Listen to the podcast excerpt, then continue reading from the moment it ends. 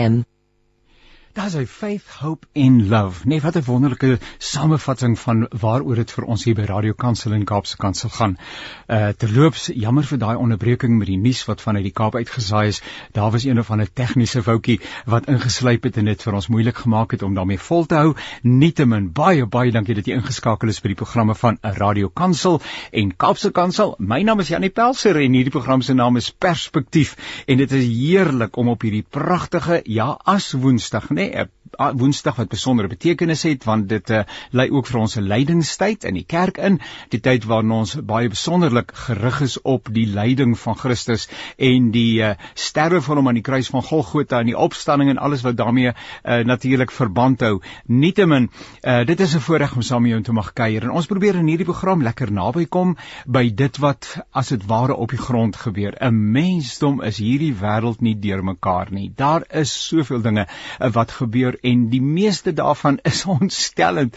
En 'n mens wil nie negatief wees nie, nê? Nee, wie wil nou negatief wees? Ons is mense van geloof, maar ons is ook mense wat realisties is en wat moet onderskei wat rondom ons aan die gebeur is en vir onsself die vraag vra maar hoe en waar op watter wyse wil die Here hê moet ons op 'n konkrete wyse betrokke wees om hierdie wêreld 'n beter plek te maak en die koninkryk van God in krag en in heerlikheid te sien kom.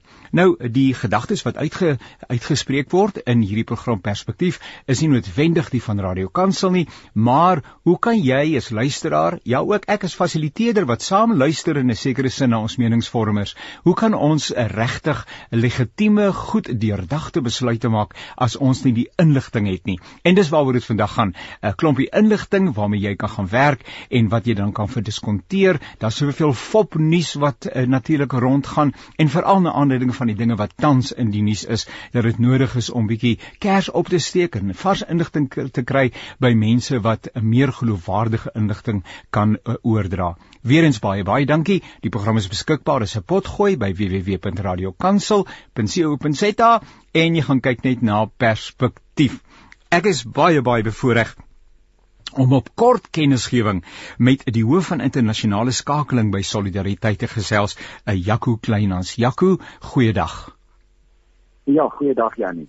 Jaco, baie baie dankie dat jy te midde van 'n baie druk program en op pad iewers heen of van iewers af terug uh vir 'n oombliekie net uh jou aandag ook hier kan gee sodat ons by jou kan hoor wat in die wêreld aangaan. Baie baie dankie en ons vertrou dat jy veilig reis.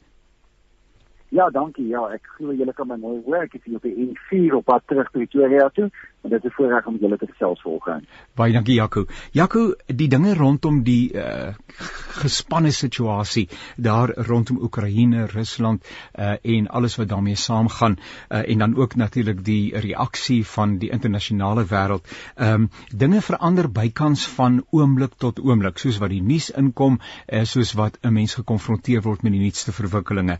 Miskien kan jy net vir ons help? Wat is die nuutste van die nuutste waarvan jy bewus is? Ons is almal bewus van die konfliksituasie daar, uh, van die samesprekings wat die afgelope paar dae gehou is, uh, wat die uitkoms daarvan is, die is ek nie seker nie, maar miskien kan jy net vir ons op 'n manier 'n bietjie op datum bring.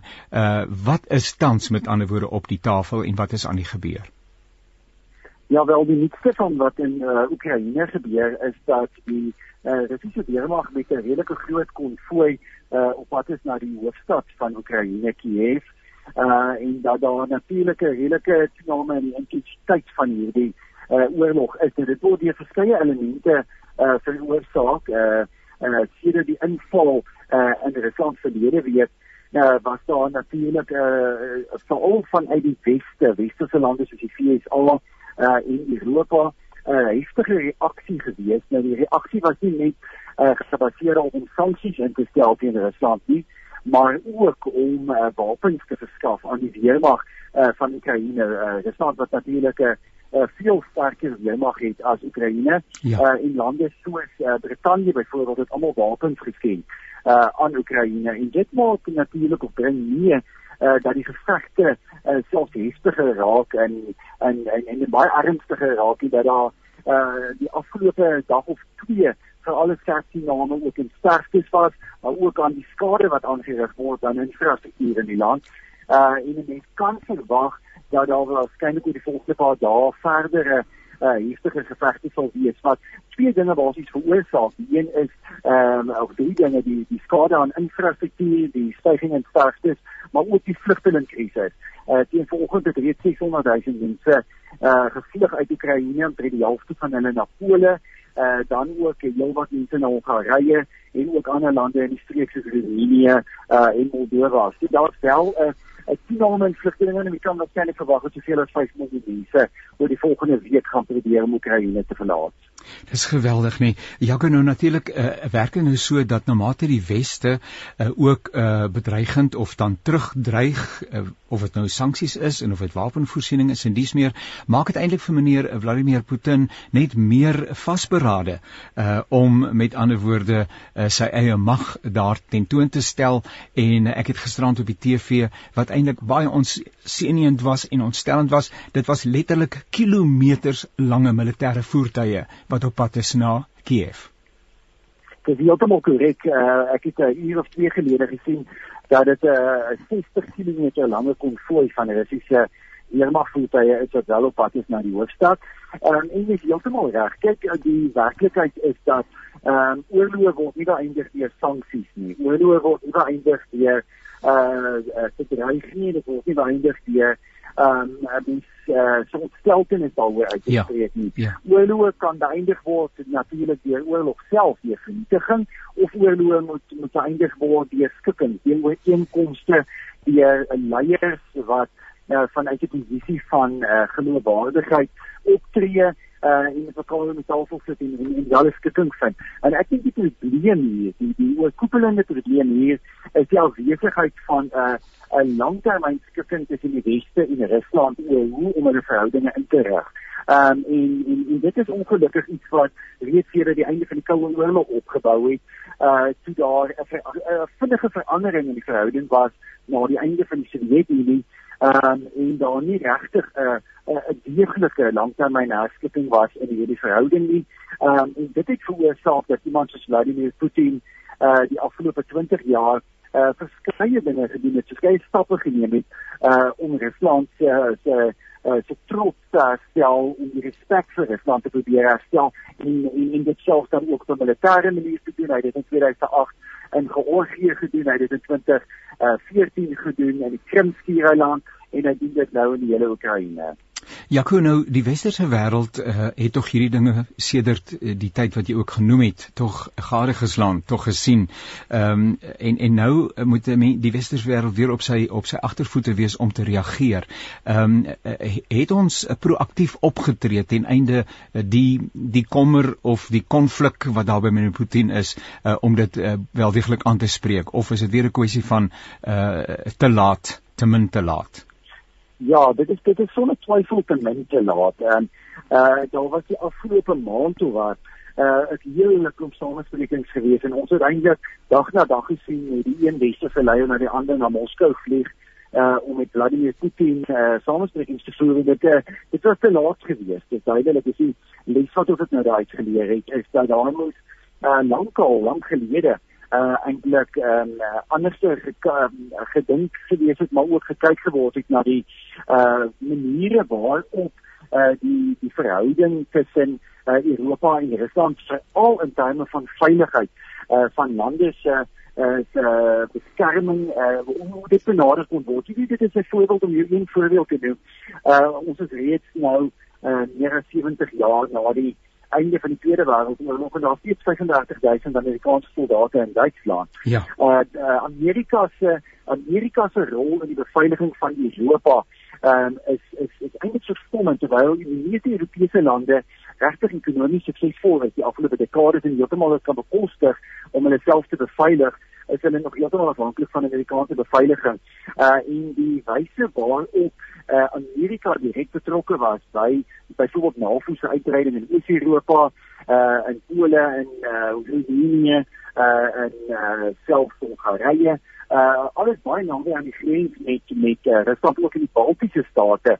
Ehm um, is natuurlik iets waaroor Rusland oor jare ehm um, uh, ongelukkig is. Mense kan nou baie sê oor oor Putin se optrede in die tragedie van oorlog wat dit absoluut is, maar die punt is dat uh in die 1980s, laat 1980s, het die wêreld, die westerse wêreld uh, regtig voorbeeldige, geloofwaardige en gewilde leiers gehad, soos ja. Ronald Reagan en Margaret Thatcher. Ja. In Frankryk was daar François Mitterrand en daar was uh, uh ook in Duitsland sterk leiers gewees. Ja. Um, uh wat wat regtig waar uh, die vermoë gehad het om langtermyn strategies die regte stappe te neem en te doen. Ek dink daar's nou 'n afwesigheid daarin. Ons ja. kan dit baie eerlik sê dat uh die Weste het dan swak leiers, uh, hulle het ongewilde leiers en hulle het leiers wat sukkel om regtig langtermyn oplossings vir die huidige veiligheidskrisisse uh, te vind. En dit is hoekom en uh, vir ons as ons uit Suid-Afrika kyk na wat tans in Oekraïne gebeur moet ons besef dat ja daar is ekonomiese gevolge vir ons almal. Ons gaan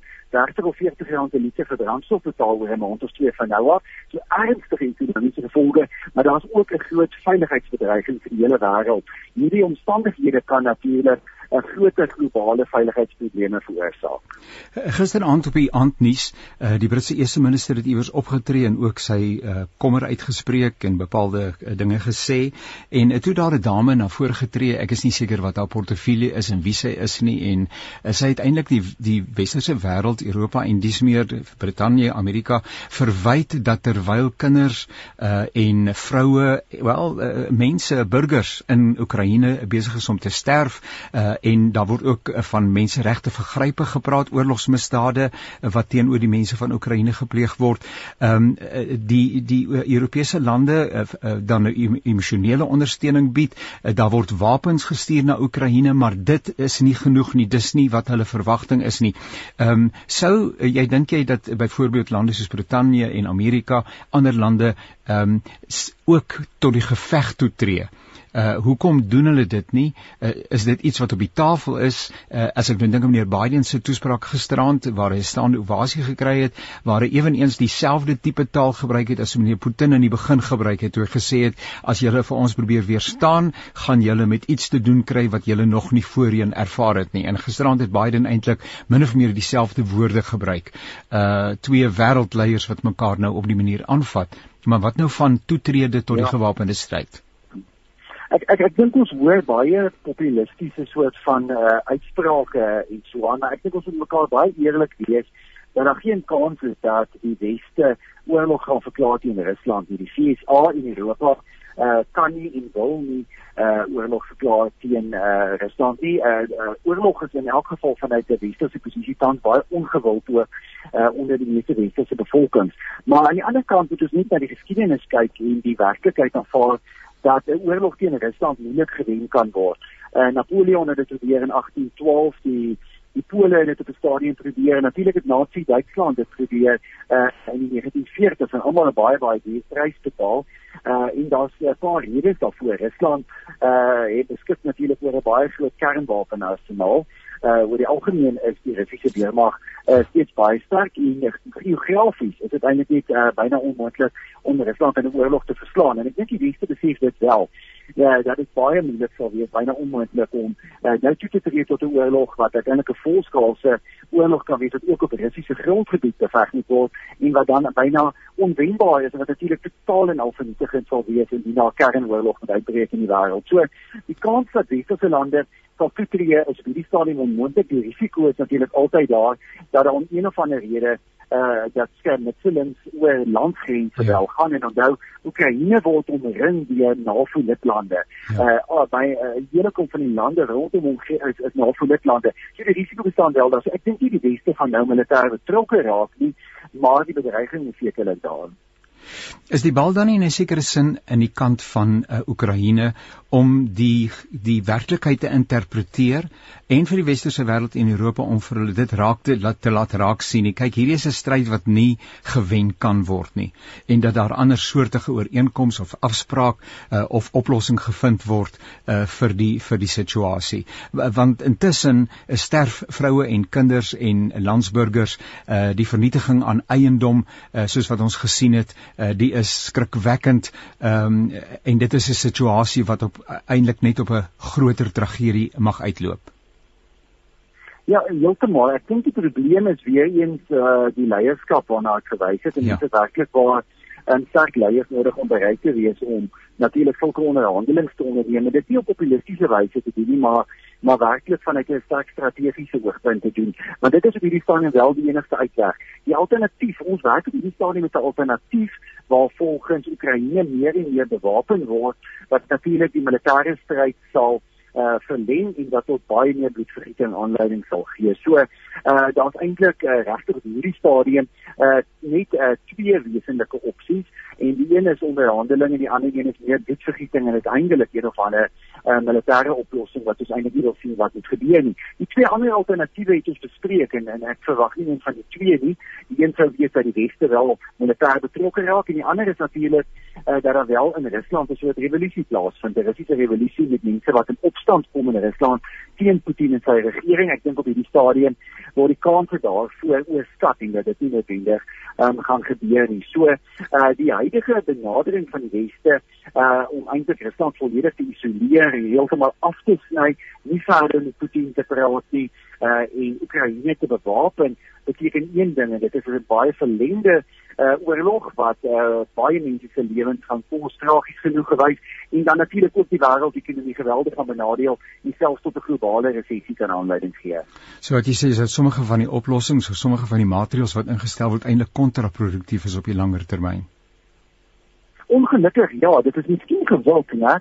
Ja. En en dit klink natuurlik baie keer mooi as jy dan na luister, ja. Sien, Ja. Ja, dis 'n 'n firma in Oekraïne wat minderwaardig is en en dan klink dit mooi om om wapens aan hulle te verskaf. Die werklikheid is nie meer mense gaan doodgaan as gevolg van dit. Ja, dit is absoluut tragies, dis hartseer en uh, uh het jy het jy enige as jy nou maar sommer so met ander woorde vanuit gevoelsmatig daaroor moet is hierdie 'n langtermyn uh ongemaklikheid wat nog lank met ons gaan wees of dink jy die moontlikheid is daar dat dit in die kort veral met die wapenopbou wat 'n mens nou weer gisterand op die TV gesien het jy self gepraat van 60 km van wapentuig ja, dan lyk dit vir my asof meneer Putin uh Putin uh dit as 'n naweek oefening beskou nie. Uh is daar kan jy voorsien dat daar 'n korter korttermyn oplossing gaan kom en dat hierdie ding gaan oplos of het ons hier met iets te doen waar amper soos COVID waarmee ons vir 'n lang tyd ja. gekonfronteer gaan word? Ja, waarskynlik 'n heel wat langer langer uitdaging selfs indien die oorlog uh, binne daar of wat tot einde moet kom, uh, kan 'n mens waarskynlik 'n langtermyn soort van guerrilla oorlogstryd sien wat kan gebeur. So uh, die militêre oplossing is is is, is ongelukkig een wat 'n wat baie langtermyn onstabiliteit kan skep. En wat ons in elk geval vir mekaar moet sê is hierdie probleme het oor baie jare opgebou en gaan langtermyn gevolge hê van groot onstabiliteit in die streek um, en sou Rusland dus vir lank geïsoleer word, sal totaal nuwe alliansies wat reeds begin vorm aan en met verder uitgebou word. Alliansies byvoorbeeld tussen Rusland, ehm um, China, ander lande soos Pakistan en ander wat betrokke sal wees wat van die wêreld 'n gevaarlike plek sal maak. Ehm uh, so uh, dit is regtig in die belang van van Europa se veiligheid, maar ek dink ook van globale veiligheid dat die weste en Rusland 'n uh, uh, stukkie moet bereik uh, met 'n langtermyn ooreenkoms waar mekaar waar die partye mekaar se se veiligheid wel waarborg. So ja, kan net om af te sluit, 'n mens voel so onmagtig in 'n sekere sin. Dis ver van hier af. Ons sit hier uh en die Here is vir ons buitengewoon goed te midde van ten spyte van uh is daar nog baie waarvoor mens dankbaar kan wees. Wat doen gewone mense, uh luisteraars en sê maar ek wil graag iets doen behalwe gebed. Sou 'n mens 'n uh, Oekraïense vlag byvoorbeeld vat en op die straat ook gaan staan en betoog en 'n uh, uh, Russiese vlag en gaan betoog, maar maar dit eintlik geen sin as ek luister na wat jy sê nie. Dit maak nie regtig 'n impak nie. Dit is heeltemal korrek. Ja. Nee, glad nie. Ons het gesien die naweek groot betogings in Europa en Berlyn, 100 000 mense wat betoog het. Die Eiffeltoring word opgelig in die kleure van die uh, Oekraïense vlag en dit beteken ja. natuurlik niks hier lewe weinig van 'n bydrae. Ek stem heeltemal met jou saam gebed is sekerlik belangrik en ek dink kerke kan ook 'n uh, belangrike rol speel. Uh en daar is reeds projekte van kerke om natuurlik byvoorbeeld geld in te samel om mense ja. uh, by te staan wat hierdie geraak word. Ek dink mense kan veral uh, lande ondersteun waar daar groot vlugtelingkrisis in die volgende tyd gaan wees. Ja. Maar wat ek dink wel belangrik is, is dat ons moeite moet doen uh om die uh die politiek van die wêreld te verstaan. Ek ervaar uh, nogals dat te veel van ons mense en natuurlik ook ons jong mense nie bewus is van Ja. die geskiedenis nie, nie die geskiedenis verstaan van hierdie magsverhoudinge nie. Ja. Dat mense nie goed ingelig is nie. Dit is wat regtig moet te doen uh, om te verstaan wat die gevare tans in die wêreld is, wat die bedreigings is en dan baie keer dankbaar te wees wel vir die land waar ons is met al sy uitdagings en probleme um, en en natuurlik dat ons wel nog bevoorreg is om om nie aan sommige van hierdie gevare blootgestel te wees nie. Jaco Kleinhans, hy is die hoof van internasionale skakeling by Solidariteit. Baie baie dankie dat jy tyd geneem het te midde van jou besige skedule om saam met ons te kuier. Baie sterkte en baie baie dankie vir baie gewaardeerde inligting. Dankie totsiens. Dankie, totsiens. Nou ja, so gesels Jaco uh, Kleinhans, hy is uh, die hoof van internasionale skakeling by die Solidariteitsbeweging daar in uh, natuurlik uh, wel eintlik land landwyd. Uh en uh, dit is inderdaad soos wat hy gesê het dat ons daarom die moeite sal doen om bietjie meer inligting te kry dat 'n mens meer ingelig kan gesels oor magsverhoudinge, oor uh, wat in die wêreld aan die gang is en dat ons onsself nie op sleeptou laat neem deur allerlei uh natuurlik fop nuus en dinge wat nie regtig van toepassing is nie. Radio Pulpit, your daily companion. Ja, ons is terug hier op die lig en dit is heerlik om saam te kan kuier. Uh baie informatief wat uh meneer Jaco Kleinhans met ons gedeel het rondom die situasie in die Oekraïne, Rusland. Ons moet onthou daar's mense aan beide kante, nê. Mense wat beelddraers is van die lewende God, mense wat swaar kry, mense wat nie noodwendig saamstem ook in Rusland met die besluite wat deur die leiers gemaak word nie en dat ons sal bid dat die Here ook daar uitkoms sal gee. Hy bly steeds in beheer, hy bly steeds op die troon en die onmoontlike is by hom moontlik. Nou ek het die voorreg om te gesels met professor Pieter Labuskaghni. Hy's emeritus professor in politieke wetenskap by die Universiteit van Suid-Afrika. Uh, Prof Pieter, gaan dit goed met u vandag? Baie goed, dankie Janie en daar by julle. Ons is baie dankbaar. Ons is gespaar en ons is gesond en dan het 'n mens sommer baie uh om voor dankbaar te wees. Professor Pieter, in elk geval net tussen hakies, ek sien vir u is eintlik 'n krangige atleet, het ek dit reg wat aan lang lang wedlope deelneem en al sulke dinge? ek is eintlik meer bekend as 'n afrigter daarom as atleet, maar ek, hardloop en hardloop nog na al die jare. Nou ja, dis baie baie lekker om dit ook van u te verneem. In die onlangse verlede het uh, meneer Malema uh tydens een of ander vergadering 'n opmerking gemaak. Dit was uh, tydens 'n verhoor uh of iets van daardie aard en waar hy gesê het dat hy nog die leier of dan die staatspresident van Suid-Afrika gaan word eer daarna artikel in die verband geskryf of 'n bydra wat op netwerk 24 verskyn het.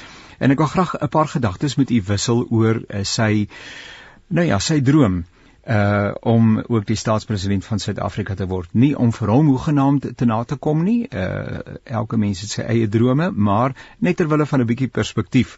Uh sou u sê dat daardie uh, uitspraak van hom totaal vergesog is? Ja, Janie, ek die rede hoekom ek die artikel geskryf het is juist presies die woorde wat jy gebruik het, is om dit 'n bietjie binne perspektief te plaas.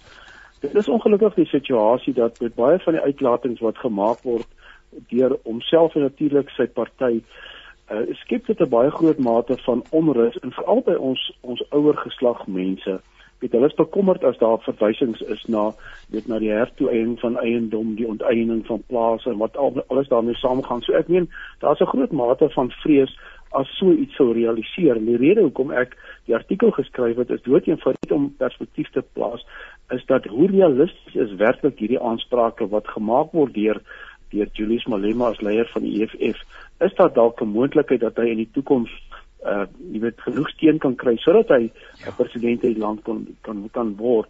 En die realiteit is maar net dood eenvoudig dat uh ons het 'n parlementêre stelsel wat beteken uh, ten einde die president van die land te, te wees, moet jou party die meerderheidsparty wees in 'n verkiesing wat teken dat jy moet jy moet 50% plus 1 een stem kry. Met ander woorde, ja. daar's 400 lede in die nasionale vergadering.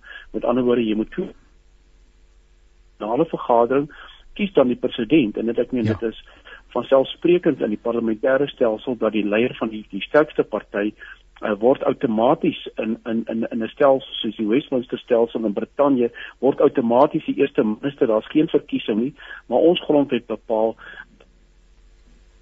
in 'n vergadering maar daar's geen rede waarin die meerderheidsparty 'n ander president sal kies as die as die leier van hulle party. Dit ja. is hoekom dit so belangrik is as ek dit net vinnig kan noem dat met die verkiesing van die ANC president aan die einde van die jaar uh, kies ons eintlik in wese kies die ANC-lede die nuwe president. Dit is nou mits die ANC weer 50% steun gaan kry. Correct. So net om weer terug te kom tot tot die vraag, uh as 'n mens kyk na na na bewese steun van die EFF dat hulle in geen verkiesing het hulle nog meer as 10.7% steun gekry nie, wat beteken hulle het omtrent 40 uh, lede in die parlement wat dood eenvoudig net net beteken dat hulle nie vereiste 201 het nie. Ek ja. 40 soos wat ek nog my rekenkunde op skool geleer het, is tamelik ver van 200 in, ja. in een af. So ek meen dit dit dit is ek kyk ek dink wat mense moet dit ook in perspektief sien is dat wat gebeur het is dat dit is gesê gedurende hierdie haatspraak hofsaak ja. wat solidariteit ja. uh of is Afriforum teen Julius Malema het en hy het tydens die uh, die die, uh, die hofsaak het hy het, het hy dit gesê. Ja. Maar dit is natuurlik ver verwyder van werklikheid. Ehm um, meneer Malema se liggaamstaal is deurgangs baie baie aggressief en intimiderend. Ehm um, is dit is dit deel van ehm um, 'n image uh, uh, wat is die regte woord wat hy voorhou of is hy regtig kwaad? Hy lyk na 'n verbitterde kwaad man, kwaai man uh, wat uh, ja, ja wat net wil vernietig wat voor hom kom. Ja, kyk nee, dit dit dit is dood eenvoudig taktiek. Jy weet ek ken ek onthou baie jare gelede was daar 'n atleet wat glad nie met die pers wou gepraat het nie en hy was altyd weet hy het altyd heftig teenoor hulle geregeer, ja. uh, reageer. En dit het gemaak dat dat wanneer hy wanneer hy in wedloop gehardloop het, was daar eintlik 'n uiting van sy eie aggressie gewees. En toe opgehou het om dit te doen, kon hy nie meer te goed hardloop nie. So wat ek eintlik probeer sê, neem dit weg van Julius Malema, neem ja. daai aggressiwiteit en daai provokatiewe styl wat hy het, neem dit van hom af weg en wat bly eintlik oor? Want jy weet, ek meen jy kan doeteenvoudig hoe beoordeel mense 'n party? Mense kyk na 'n party oor Wat hoe lyk sy program? Hoe kan hy bepaalde sosio-ekonomiese probleme in die land aanspreek? Wat kan hy doen om ekonomiese groei te bevorder? Wat kan hy doen om sosiale geregtigheid in 'n land te bevorder? En so kan 'n mens aangaan.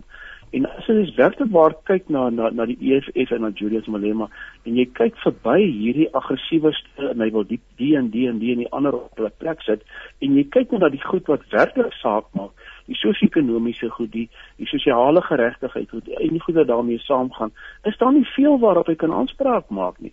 Ek meen die die ekonomiese beleid van die EFF is is die ou stalinistiese stalinistiese uh, beleid wat destyds deur Stalin toegepas word wat staatssentralisme is wat nie gaan werk nie. Ek meen enigiemand wat ekonomie nie eens en hoef nie eens ekonomie een op universiteit te doen nie, weet dit. So al wat hy om eintlik op kan verlaat is hierdie styl wat hy wat hy self inneem want dit trek 'n sekere aantal mense.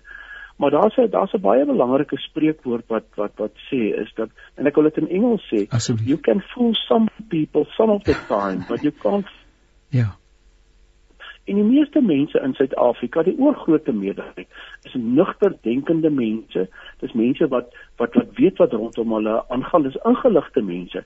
En jy kan vir 'n vir 'n ruk kan jy 'n klompie mense kan jy flou so regkry om vir 'n baie lang tyd dan dit te gebruik om om mense te werf nie. En 'n mens kan dit sien. Ek kan die syfers aanhaal. Die EFF begin met die eerste nasionale verkiesing waarna hy deelgeneem het in 2016 het hy 8% steun gekry wat goed was. Ja. Uh, maar in in in in die 5 jaar van 2016 tot by 2021 het sy steun maar met net met 2% gestyg.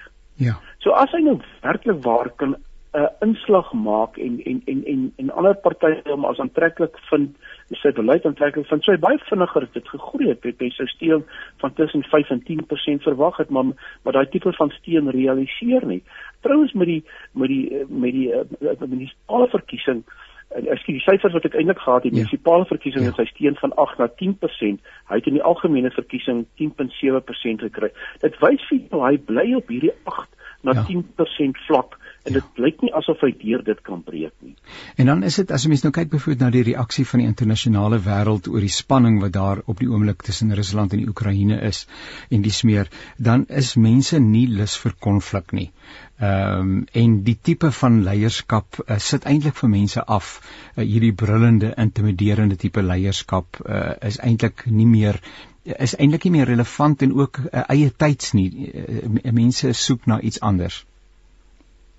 Ja, kyk jy die hele die hele die hele doel van 'n parlement en 'n parlementêre stelsel is natuurlik as jy burokrasie is konflikoplossend. In, in plaas daarvan dat dat mense mekaar beoorlog, ja. uh, skep ons ruimte en ons noem dit 'n parlement, 'n gebou waar mense soms kan dit maar aan die warm kant gaan ja, in die ja. parlement, ja. maar dis 'n geleentheid waar mense hulle verskille kan praat en versoenend kan optree. Want, ja. want want want want een van die definisies van politiek ook is dis die kuns van kompromisse. Aan die ander woorde jy moet 'n kompromis kan aangaan met jou teenstander. Jy moet probeer om middelgrond uh, te bereik. Maar ek dink dit is iets waar in die EFF werklik in in in, in belangstel. Ja. Ek meen binne binne die binne binne 2 dae, 3 dae bevind die EFF om in drie situasies waarvan ek bewus is.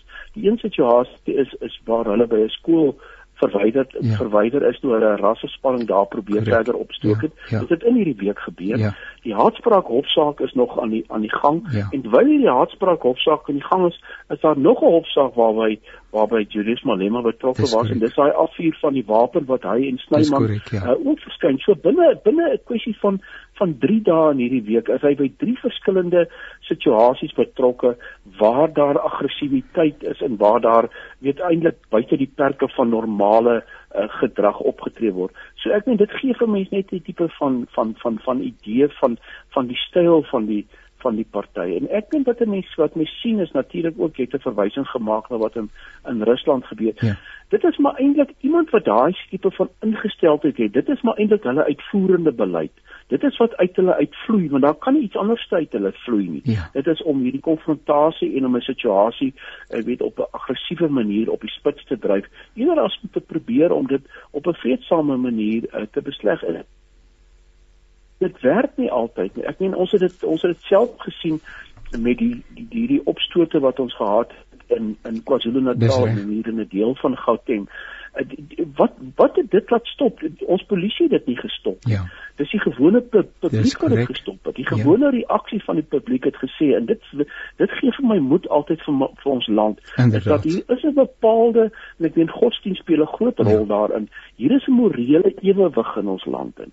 Ek weet daar is mense wat goeie mense wat dood eenvoudig sê genoeg is genoeg. En daai mense sal nie vir die EFF uh, stem nie daar waarvoor hulle ja ja en ek ek dink daai morele ewewig in ons land is te sterk teen daardie tipe van van houding wat wat ingeneem word deur onderstokers en natuurlik ook weet in in in veral in die geval van die EFF party. Uh, net in slotte uh, professor Pieter, ehm um, daar is tog waarheid uh, oral te vind. Ehm um, of hy bedoel om waar te praat en in met integriteit op te tree, uh, dit dit twyfel mense sterk, maar wat is daar wat meneer Malema sê wat wit mense as ek nou die woord mag gebruik nie hoor nie. Ehm um, wat hoor wit wit mense wel en is daar 'n manier om hierdie goeders bymekaar te trek? Ek weet hy's waarskynlik nie bereid vir so 'n gesprek nie, maar maar daar is tog 'n narratief uh, wat deur as dit dan nou 8 of 10% is uh, uh, uh in terme van die groei en die syfers wat hulle verteenwoordig deur hulle ondersteun word. Daar word daar word iets gesê wat ander mense nie hoor nie. Wat is dit? Absoluut. Ja, ek kan nie met meer saamstem nie, Janie. Ek het ek het al in verskeie artikels het ek al hieroor geskryf. Die groot probleem wat Suid-Afrika konfronteer op hierdie oomblik en dit is ek meen dit is makliker gesê as gedaan groter al groter wordende gaping tussen ryk en arm in hierdie land. Ja. Ons kan nie onbepaald voortgaan met die met die situasie waarin ons mense kry wat in in in in in wilde lewe of wat jy weet wat wat wat wat wat wat groot materiële rykdom het en elke dag terwyl ons hier praat is hierdie mense besig in ons land wat in armoede lewe wat nie weet waar hulle volgende bord kos vandaan kom nie. Ja. Uh, die helfte van die mense sit sonder werk en, en ek meen so kan ons aangaan ja. en ons kan nie ons kan dit nie volhoubaar dit is dood eenvoudig nie volhoubaar nie. En die groot probleem met Suid-Afrika is is dat dis 'n dis 'n swart wit uh, waar werkloosheid onder wit mense, blanke mense uh, onder die 10% is, is dit 50% by swart mense. Ja. En so kan 'n mens aangaan. Ons kan nie on, onbepaald moet dit voortgaan nie, want ons skep net 'n situasie waarin die verwagtinge tussen dit wat mense dink hulle moet kry en dit wat mense regtig kry. Ja. Daai gaping word ontolereerbaar ja, groot. Ja, ja. En dit is verskriklik belangrik dat dat dat ons ons ekonomie in gang kry. Ons kan nie groei van as ons net daaraan dink wat het met ons ekonomie gebeur tydens hierdie COVID tyd? Ja. En en en en die regressie wat plaasvind, nou groei ons teen 1 1.8% ja. ekonomiese groeikoers.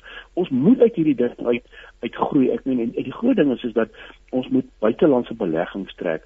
Ons moet buitelandse ekspertise trek. Ons moet buitelanders buite maatskappye kry wat belê in ons land wat help saam met die res van ons eie privaat sektor om werk te skep sodat ons kan groei en kan ontwikkel en dat daar aandag gegee kan word aan die mense wat agtergeblewe is in ons gemeenskap. Anders te maak is onsself baie moeilik. En dit is juis daai probleem is dit wat wat wat wat Julius Malema en die EFF party uitbuit sonder om 'n konstruktiewe oplossing te gee en om te help om hierdie probleem op te los. Al wat hulle doen is dat hulle hulle hulle gebruik hierdie hierdie hierdie probleem vir hulle eie politieke gewin. Ja. Dit om elke keer rasspanning uh, te te skep, ja. gaan nie die probleem oplos nie. Die probleem gaan net daar bly en hy gaan net dood eenvoudig groter word. Nee, ons kan net bid dat die Here se genade ook by ons almal sal wees en dat gesonde verstand en 'n goeie rede sal sê vir professor Pieter Potgieter. Ehm um, baie baie dankie dat uh, ons kon saamgesels. Ons waardeer op reg. Uh, mag dit met u goed gaan en uh, ons gesels by volgende geleentheid weer saam met mekaar. Nogmaals baie baie dankie vir u deelname. Uh, Pieter Labeskagni, ek maak verskoning potgieter. Partykeer dan spring jou gedagtes mos net na 'n ander naam wat wat met Pieter werk of wat met Dana werk of met Dani werk. Dis weer professor Pieter Labeskagni. Baie baie dankie weer eens en ons kuier in die nabye toekoms weer saam. U moet 'n wonderlike dag hê. Dankie hoor. Totsiens. So gesels professor Pieter uh, Labeskagni. Hy sê emeritus 'n professor in politieke wetenskap aan die Universiteit van Suid-Afrika uh, oor hierdie baie belangrike saak, uh, meneer Malema en uh, groot liefde teenoor alle mense. God is vir alle mense lief. Ek wil dit weer 'n keer sê en het 'n wonderlike plan met elke mens se lewe. Daar's geen twyfel daaroor nie. En uh, hy het uh, gewag gemaak daarvan dat hy staatspresident van Suid-Afrika gaan word, maar dit lyk vir my uh, dit sal dalk nie heeltemal so maklik realiseer gegee sy uh, vertrekpunte en sy oortuigings en sy manier van dinge doen nie. Nietemin, uh, dit is deel van 'n interessante wêreld waarin ons woon en perspektief wil hierdie narratiewe en hierdie in interessante gedagtes uh, op die uh, tafel plaas. Nou Nou ja, dis my baie groot voorreg om te gesels met Helene uh, Meisenheimer. Hallo Helene, ek vertrou dit gaan met jou baie baie goed. Ons verbinding is dalk nie so uitstekend nie, maar kom ons probeer. Uh jy's aan die ander kant. Ek sê vir jou hallo.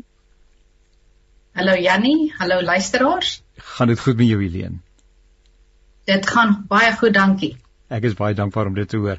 Nou Helene, en jy't so interessante van Meisenheimer. Sê ek om reg? Ja, dis reg. Dit is my getroude van uh, my man se familie iewers 'n paar geslagte terug het uit Duitsland uitgekom, kom van die Duitse dorpie Meissen af. Nou toe wonderlik en baie baie interessant. Uh Helene, jy is uh, betrokke by uh die kerkbode. Uh help net vir ons jy's oor ek vermoed dat jy op verskillende stoele sit daar, so help vir ons 'n bietjie uh, oor jou eie portefeulje. Nee, uh Jannie, ek is vir die jaar in Mei het ek aangesluit by die kerkbode span Ons is net twee, dis uh ja, uh Leroux Skuman, hy is die redakteur en ek is die joernalis by Kerkbode en dit is die stoel waarop ek sit. Nou, wanneer mense luister en die woord die kerkbode uh gebruik, dan is daar 'n baie baie besondere onderskeiding wat die koerant betref. Uh vertel vir ons meer daarvan. Ja, die kerkbode is natuurlik begin uh, meer as 170 jaar gelede as 'n nuusblad in ja. die NG Kerk. So sure. dit is 'n koerantjie wat tot stand gekom het binne die NG Kerk en hy bestaan nog steeds. Ons is nederig trots daarop om die oudste Afrikaanse nuusblad te wees wat nog steeds bestaan. Maar soos jy weet, kry meeste mense hulle nuus deesdae aanlyn en kerkbode in lyn met die tye van die dag is vandag dan in die eerste plek 'n digitale nuusdiens en ons is baie uh, bemoedig deur ons digitale groei wat ons gesien het die laaste paar jaar. As ek 'n bietjie meer hieroor mag net mag vertel. Asseblief, baie welkom, baie welkom. Baie dankie. Ons in in 2016 het ons ongeveer 100 000 unieke aanlyn gebruikers gehad wat so 200 000 keer op ons inhoud geklik het.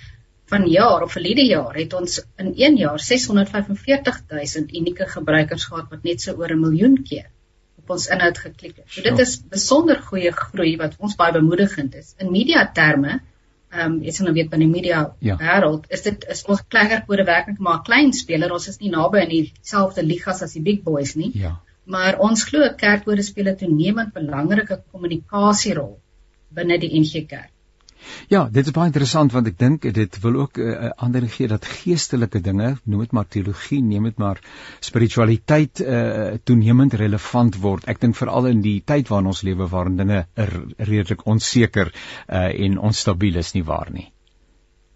Ja, nee, absoluut. Daar's 'n ons tel op en ons glo daar's 'n absolute behoefte onder gelowiges aan inligting oor kerk kerksake. Here en oor teologie. Ja.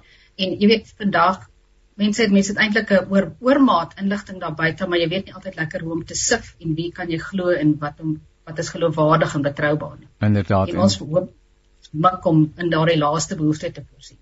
Nou, ehm um, jy jy het 'n paar keer die woord NG Kerk, 'n bepaalde denominasie, baie bekende denominasie in Suid-Afrika gebruik. Uh, is die kerkbode uh, net vir NG lidmate, NG mense by wyse van spreuke, uh, of het dit 'n wyeer gehoor in gedagte? Ja, kyk, hy het tot stand gekom binne vir die NG Kerk, maar ek glo ons inhoud is vir alle Afrikaanse gelowiges sal dit interessant vind en van waarde vind. So dit is nie net gerig op NG Kerk nuus gebeur en ons skryf ook oor ehm um, weier as dit daar is ook nie net teologiese debatte wat gedek word binne ons inhoud nie, maar daar is ook inhouds wat geloofsverbande wat gaan oor getuienisse wat gaan oor um mense wat verskil maak in hulle dorpe en omgewings en organisasies en welsynsorganisasies. En daar's briewe en daar is rubrieke deur die gewilde rubriekskrywer Dana Snyman en daar's kerkhistoriese. Ja, net as daar's 'n wye verskeidenheid van inligting en um leesstof te kry op kerkbode. Ja, en uh, ek uh, skakel nou gereeld op kerkbode, dan nou digitaal in, maar ook die harde kopie, die kry ek by die gemeente uh, op 'n sonoggend wanneer hy verskyn, dan staan hy daar of dan lê dit daar. Uh en wat vir my lekker is van die kerkbode is dat daar 'n kerklike perspektief, 'n teologiese perspektief is op die sake van die dag. Uh dit is uiters relevant die ongemak wat daar tans byvoorbeeld in Oekraïne tussen Oekraïne en Rusland is, die hele internasionale wêreld se reaksie daarop en dis meer word inderdaad ook in die in die stuk kerkbode en die inligting uh, of dan op die blad hanteer. So 'n mens kan eintlik wanneer iets gebeur, kan jy maar na die platform toe gaan en gaan sê ek wonder wat sê die kerk hieroor, watter bydrae die kerk te maak en jy gaan sekerlik een of ander reaksie daarop vind wat vir jou kan lei. Absoluut. Absoluut. Ja. Ehm ja. um, as ek net kan noem, ja, ons het ehm um, verlede week gesien ons het 'n storie gedra van twee sendelinge, Afrikaanse sendelinge wat in die Oekraïne is op die oomblik. Ja en hulle het al twee studente, twee van hulle al twee het elkeen het 'n seun, al twee families en wat 'n student is in Kiev, die hoofstad van die Oekraïne wat skielik mos nou met mortiere aangeval is deur Rusland donderdagoggend die seun sit daarvan wakker geword. Ja. En die een seun het pas daar vasgekeer in 'n bomskuiling. Ja. En en dit is werklik ongeloof of ongelooflik om te gesien het ook die be, belangstelling van lesers. Ons het dit nou gedeel op een van ons sosio op ons sosiale media platforms ook en die meelewing en ondersteuning ehm um, van gelowiges wat daar wil lees. So dit is dit is per se nie NG Kerkie. Dit gaan oor gelowiges. Ons is mos een familie. Natuurlik ja. Ons en dis 'n aangrypende ja, dan gaan aangrypende tonele wat hulle self daar afspeel en dit gryp ook uh, die verbeelding uh en die gevoel en die meelewing van gelowiges reg oor Suid-Afrika natuurlik aan. Uh vandag is nou as Woensdag en uh, daar's ook 'n oproep wat ook die in die kerkbode uh, dan gereflekteer word uh, dat gelowiges uh natuurlik wêreldwyd maar in besonder dan in Suid-Afrika hier plaaslik sal bid vir die hele situasie uh wat tans besig is om af te speel in uh, die Oekraïne en in Rusland. Ja, nee, absoluut. Dit is 'n uh, oproep wat vir my mooi is. Dit is van alle kerkdenominasies word daar gebid. Ja. En dit uh, die oproep in die NG Kerk dan ook hulle lidmate gevra vir gemeentes om vandag op as Woensdag ja voorbidding te doen vir die Oekraïne, maar dit is in lyn met die Suid-Afrikaanse Raad vir Kerke is daar ook 'n oproep uitgegaan uit die Wêreldraad van Kerke uit die Wêreldbond van Gereformeerde Kerke het daar ook 'n oproep uitgegaan en die paus het ook die dag afgekondig. So daar word die hele wêreld oor ehm um, word op die knieë gebid vir Oekraïne. Ja. Dan mag luisteraars weet Helene wat nou vra nou dis 'n interessante naam as Woensdag. Wat se ding is as Woensdag? Ene Janie, jy aan my nou hier. nee, nee, inderdaad. Nee. 100% seker in die agtergrond wat as Woensdag nie, maar ek weet dit is die begin van lydenstyd. Absoluut, dit is al wat ek wou ek sou gesê het. Is jy heeltemal reg gesê. Dis al wat ek ook so gesê het, dis die begin van lydenstyd hierdie 40 dae tyd waarin ons in besonder uh nadink oor uh, die pad wat Jesus gestap het. Ek het vroeër in die program ook daarvan melding gemaak uh en uiteindelik aan 'n kruis het vir ons gesterf het ook ter wille van ai Helene so 'n stikkende wêreld nê nee?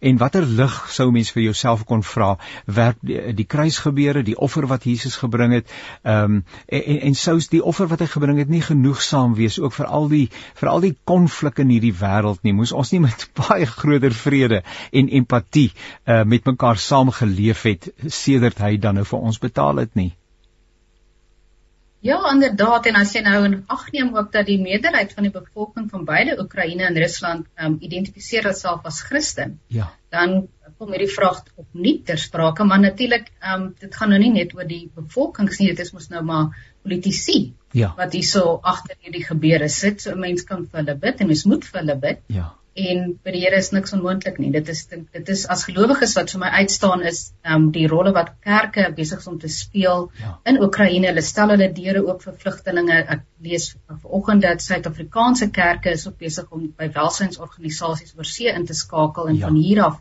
hulp te verleen in die Oekraïne. Dis pragtig om te sien dat mense op grondvlak, gemeentes op grondvlak regtig op 'n praktiese wyse. Ek het nou net met uh met uh, Jaco Kleinhans gesels. Hy is uh, betrokke by solidariteit. Hy het sy vinger op die pols van wat gebeur uh tans uh, rondom die konflik tussen die twee lande en die reaksie van die westerse wêreld en Europa en uh, hy het ook inder, inderdaad verwys daarna dat daar uh, op grondvlak baie meer lewing is en uh, verskillende maniere is waarop mense uh, betrokke raak. Kom ons terug net by die kerkbode.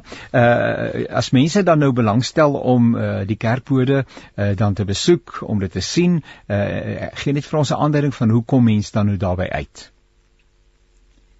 Ja nee, ons is op enige platform moontlik sigbaar waar jy ons kan wil soek. Jy kan inteken op die gedrukte kerkbode. Die gedrukte kerkbode verskyn so 16 keer per jaar. Ehm um, jy kan net gaan op ons, jy gaan gaan na ons webtuiste as jy wil inteken daarop as jou kerk byvoorbeeld nie meer inteken daarop nie of jy stel belang. Ja Ons uh, webadres is www.kerkbode.christians.co.za. Dan is daar ook 'n kerkbode toep. Dis 'n mooi Afrikaanse ja, ja. naam vir app. Ja. Jy kan aflaai op Google Play waar jy ons nuus um, verniet kan kry. En natuurlik soos ek nou genoem het, daar is die webblad en ons is ook ehm um, en die gedrukte kerkboek wat ek noem is op ons webblad ook beskikbaar in PDF formaat waar jy dit ja. digitaal kan deurblaai om te sien hoe lyk ons deesdae. En dan is ons ook op die sosiale media platforms Facebook en Instagram. Jy kan net soek vir Kerkbode en dan kan jy ons daar ook 'n bietjie wil kyk wat gaan deesdae aan op Kerkbode. Waarmee ja. hou ons ons besig? En uiteraard wil ek die Kerkbode sterk aanbeveel. Daar's die pragtigste mensstories van doodgewone mense, doodgewone gelowiges wat in hulle eie omgewing 'n verskil maak in die lewens van ander mense. En dit vuur jou aan om te sê maar goed, as ander mense iets kan doen, uh, dan wil die Here natuurlik ook vir my gebruik uh, en vir ons gebruik uh, om hierdie wêreld 'n beter plek te maak en die koninkryk van God te laat kom. En inderdaad, daai tannie Google is ontsettend slim. Jy kan maar net daar in die in die soek uh, uh, plekkie kan jy maar net gaan sit kerkbode en dit gaan baie baie definitief vir mense neem na die kerkbode se se se se platform en uh, daar kan mens dan aanlyn inteken. Uh, jy kan die harde kopie kry alles wat jy daarvan Helene Meisenheimer gehoor het. Dis 'n groot saak Helene jou, vir jou as joernalis dan onder andere by die kerkbode om jou oor op die grond te hou en te sorg dat die beriggewing relevant is. Dit help nie om 3 weke van nou of 4 weke van nou te berig oor wat vandag byvoorbeeld uh, tussen Rusland en uh, Oekraïne gebeur nie. Beteken dat jy moet uh, ek wonder of jy baie slaap. Jy, jy oor is seker gedurig deur teen die radio. Julian, jy is seker baie baie besig, nê? Nee? En jy lees die koerante en lees nuus nuusmedia om agter te kom wat is nou aan die gebeur. En wat is die nuutste van die nuutste van die nuutste nuus? Ja, nee, Jannie, as as 'n joernalis, ek het 'n agtergrond as gemeenskapsjournalistiek aan die Weskus en jy dit is 'n 24 uur 24/7 job. Nee, ja. jy jy het jou oor op die grond heeltyd, maar mense kan asseblief ons laat weet as hulle geloofstories het om te vertel of inspirasie stories het om te vertel. Ja. Net weer 'n keer ons graag net weer 'n keer is www.kerkbode. Uh, sê nou net weer hoe jy mooi gesê vir ons. www.kerkbode.christians in Engels gespel .co.za. Baie baie dankie. Sterkte vir julle met die werksaamhede daar by die kerkbode. Uh, ek glo dat die luisteraars ook gaan moeite doen om bietjie te gaan kyk wat daar aangaan en baie baie seën vir die groot werk waarmee julle besig is. Baie dankie Janie, baie seën en sterkte vir julle ook en dankie vir die voorreg dat ons kon gesels het. Groete. Baie dankie. So gesels Helene Massenheimer en sy is 'n joernalis onder andere by die Kerkbode en dit is natuurlik die amptelike kerkblad van die uh, eh, NG Kerk, maar veel wyer as dit uh vir Christene wat met hulle voete op die grond lewe en inderdaad wil weet wat in die kerklike omgewing aangaan. daarmee baie baie dankie dat jy ingeskakel was by die programme van Radio Kansel.